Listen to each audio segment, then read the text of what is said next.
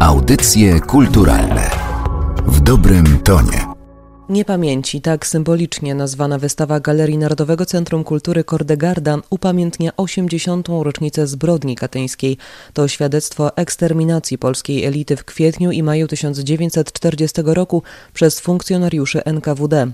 Z rozkazu najwyższych władz Komunistycznej Partii Związku Sowieckiego zamordowano wtedy około 22 tysięcy Polaków, oficerów Wojska Polskiego, uczonych, a także artystów, malarzy i grafików, którym poświęcona jest wystawa w Kordegardzie. Opowie nam o niej kuratorka Katarzyna Haber. Zapraszam, Katarzyna Oklińska. Kiedy 17 września 1939 roku armia sowiecka zdradziecko napada na Polskę, do niewoli wzięte zostają cofające się przed Niemcami oddziały polskie. W sumie ponad 450 tysięcy żołnierzy – na wystawie w Kordegardzie prezentują Państwo pracę artystów, którzy byli polskimi więźniami więzionymi w wielu łagrach sowieckich. Prace pochodzą z Muzeum Katyńskiego, Muzeum Archidiecezji i Muzeum Narodowego w Warszawie, a więc są odkrywane dopiero teraz dla zwiedzających pierwszy raz. Wszystkie prace, poza kilkoma mm, publikowanymi wcześniej rysunkami Czapskiego, są pokazywane premierowo.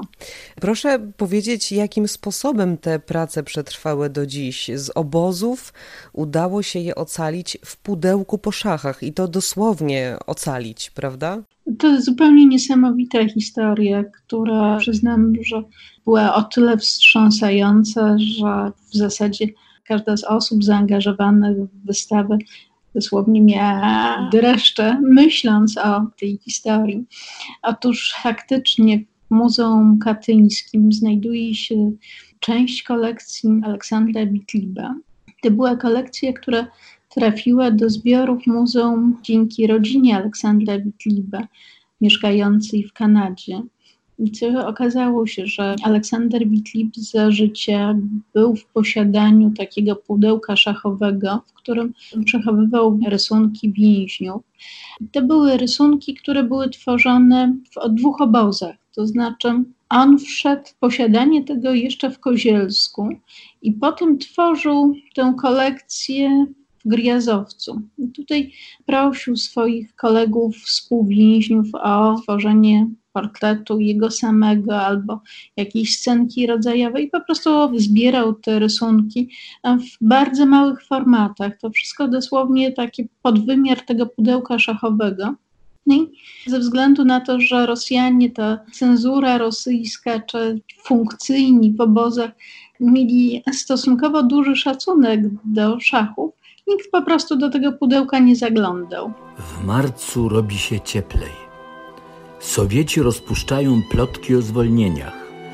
Codziennie z obozów odchodzą kilkudziesięcioosobowe transporty. Więźniowie wyczekują na dzień, kiedy ich nazwiska znajdą się na wyczytywanych listach. Obozy do końca kwietnia pustoszeją.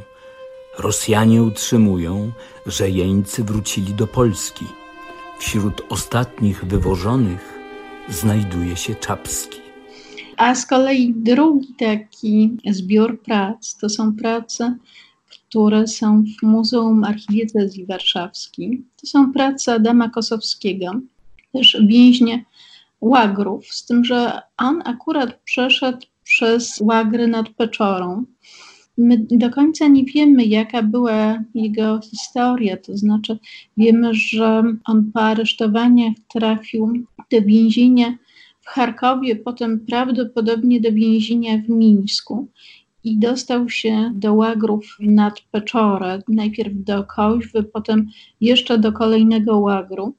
W dosyć złym stanie już wychodził z tych łagrów po amnestii, dołączył do armii Andersa, ale ponieważ był bardzo schorowanym, jego w 1942 roku udało się przerzucić bezpośrednio z Libanu do Londynu. I on w Londynie od 1943 roku zaczął pracować nad takim cyklem łagiernym, dokumentującym życie, najpierw więzienne, jakieś momenty kaźni zupełnie makabryczne, a potem kolejne etapy tego życia w Łagrze. I tutaj w 1986 roku żona zmarłego Adama Kosowskiego złożyła taki depozyt w Muzeum Archidiecezji. To są też prace po raz pierwszy prezentowane. One przeleżały przez te wiele lat w magazynach i po raz pierwszy w tej chwili ujrzą światło dzienne czyli coś absolutnie wyjątkowego. Powiedzmy jeszcze, czym charakteryzują się prace, które możemy oglądać. Jest ich kilkadziesiąt i właściwie chyba możemy stwierdzić, że niemal wszystkie są do siebie podobne pod jednym względem. Uciekają od patosu i od martyrologii, jakby więźniowie chcieli uciec od tej przygnębiającej obozowej rzeczywistości. To prawda, że tutaj przypadku wielu prac mamy do czynienia właśnie z taką ucieczką i widać, że dla artystów ta sztuka jest próbą zachowania normalności, próbą powrotu do jakiegoś normalnego świata, który pamiętają sprzed czasu łagiernego. W przypadku prac Józefa Czapskiego, Zygmunta Turkiewicza czy Stanisława Westfalewicza rzeczywiście to wygląda z okruchów usiłują odtworzyć losy jednostek, czasami profesjonalnych artystów, innym razem amatorów. Nie zawsze się to udaje. O wielu więźniach, ofiarach zbrodni katyńskiej wciąż nic nie wiemy. Praca Adama Kosowskiego, które powstały już po tym horrorze obozowym w Londynie, one mają wyraźny patetyczny charakter. Przy czym to są prace, które mają niesłychaną ekspresję, prace, które przypominają najbardziej rysunki Goi, czy prace Goi, na przykład rozstrzelanie powstańców madryckich, gdzie mamy użycie pewnej deformacji, wręcz naiwności, po to, żeby podkreślić taką horrendalną ekspresję. Prace zupełnie zaskakujące i przyznam, że emocjonalnie absolutnie wstrząsające.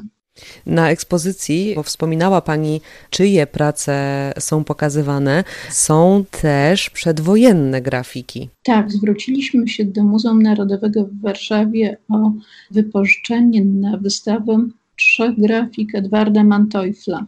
To taka zaskakująca postać, o której w tej chwili mało wiemy, a tym bardziej jest to zadziwiające, że przed wojną był to bardzo znany grafik, ilustrator, przede wszystkim ilustrator książek, magazynów ilustrowanych, ale również twórca wystroju polskich transatlantyków.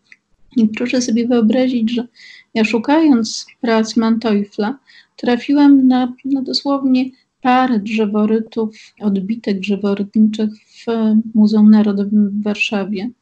No i te, które nadawały się do publikacji, uznałam, że warto pozyskać na wystawę. One tutaj są pokazywane na wystawie wirtualnej, a równocześnie z Manteuflem jest taka wzruszająca historia, o której wspomina Czapski w swoim pamiętniku starobielskim, w swoich wspomnieniach starobielskich. Otóż opisuje, jak na Wigilię w 1939 roku Manteufel w tajemnicy przed wszystkimi przygotował matrycę graficzną, z której odbijał na opłatku obrazek świętej rodziny. Stąd uznałam, że warto przywołać tę sylwetkę artysty, którego prace nie zachowały się niestety z obozu, ale równocześnie jego postać pokazuje tę niewyobrażalną stratę dla polskiej kultury. Właśnie i może do tego nawiązuje tytuł tej wystawy Niepamięci. Do tego, że niektóre prace miały nie zostać zapamiętane, miały nie przetrwać do naszych czasów. No to jest niestety ten smutny wydźwięk wystawy, gdzie faktycznie my po prostu bardzo niewiele wiemy o kilku z artystów, chociażby dlatego, że część z nich dokonała życia na emigracji, ale spośród tych ośmiu, których pokazujemy na wystawie wirtualnej, na pewno taką dosyć anonimową postacią jest Józef Lipiński. Przyznam, że tutaj z Lipińskim był nawet kłopot, żeby dokładnie ustalić miejsce, gdzie został zamordowany, ponieważ on się pojawił jakby dwukrotnie na listach cmentarnych i katyńskich, i charkowskich. I nawet z tym był kłopot.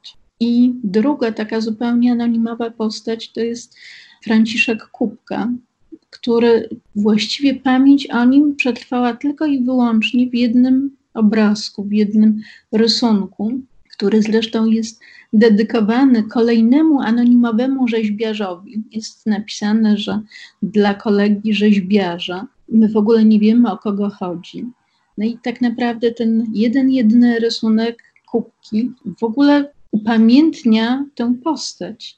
Przyznam, że bardzo emocjonująca wystawa. 14 sierpnia 1941 roku zostaje zawarty układ sikorski-majski. Więźniowie dołączają do armii polskiej Andersa. Trwają poszukiwania jeńców Starobielska, Kozielska i Ostaszkowa. Mówi się, że są przetrzymywani na Półwyspie Kolskim albo nad Peczorą. Trwa walka z czasem. Nadchodzi kolejna bezlitosna zima. W łagrach przetrzymywane jest ponad sto tysięcy Polaków. Wielu zapomnianych nie wie, że podlega amnestii. Chciałabym, żeby jeszcze pani powiedziała coś więcej o tytule tej wystawy Niepamięci. To słowo wskazuje na coś, co, tak jak już powiedziałam, miało nie być pamiętane, a mimo wszystko jest. Zastanawiając się nad tytułem tej wystawy, uznałam, że niepamięci będą taką wielomówną i bardzo symboliczną metaforą tego, co się tam wydarzyło. Dlatego, że w gruncie rzeczy my przez wiele lat rzeczywiście nie pamiętaliśmy o Katyniu, czy raczej nie mogliśmy pamiętać, a w zasadzie myślę, że większość z nas miała kogoś z rodziny, kto w Katyniu zginął. Jest to taki historyczny, makabryczny zresztą paradoks.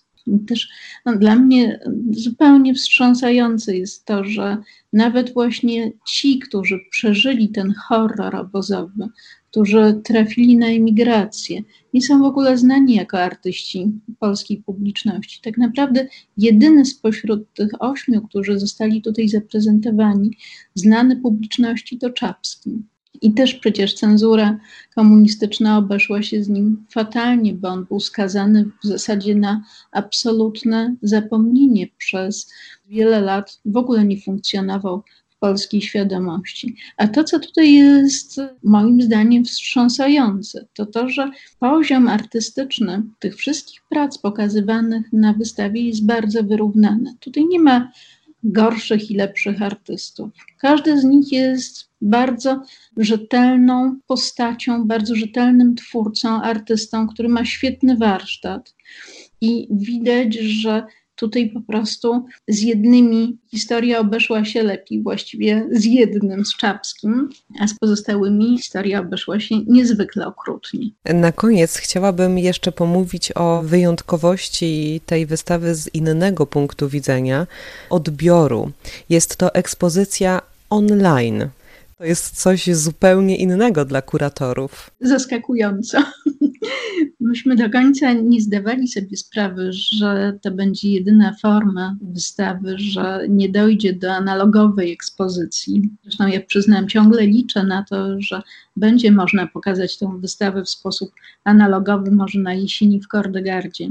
Natomiast no to była, przyznam, wielka nowość i, i, duże wyzwanie, dlatego że chodziło tak naprawdę również o zmianę narracji. Ja jestem historykiem sztuki, przyzwyczajonym do pisania przede wszystkim tekstów kuratorskich, a tutaj stanęłam przed wyzwaniem, że muszę przygotować wystawę, która będzie raczej popularyzatorska, będzie zmieniała optykę, będzie pozwalała spojrzeć na łagry z perspektywy więźniów, zobaczyć to życie łagierne oczami tych bezpośrednich obserwatorów.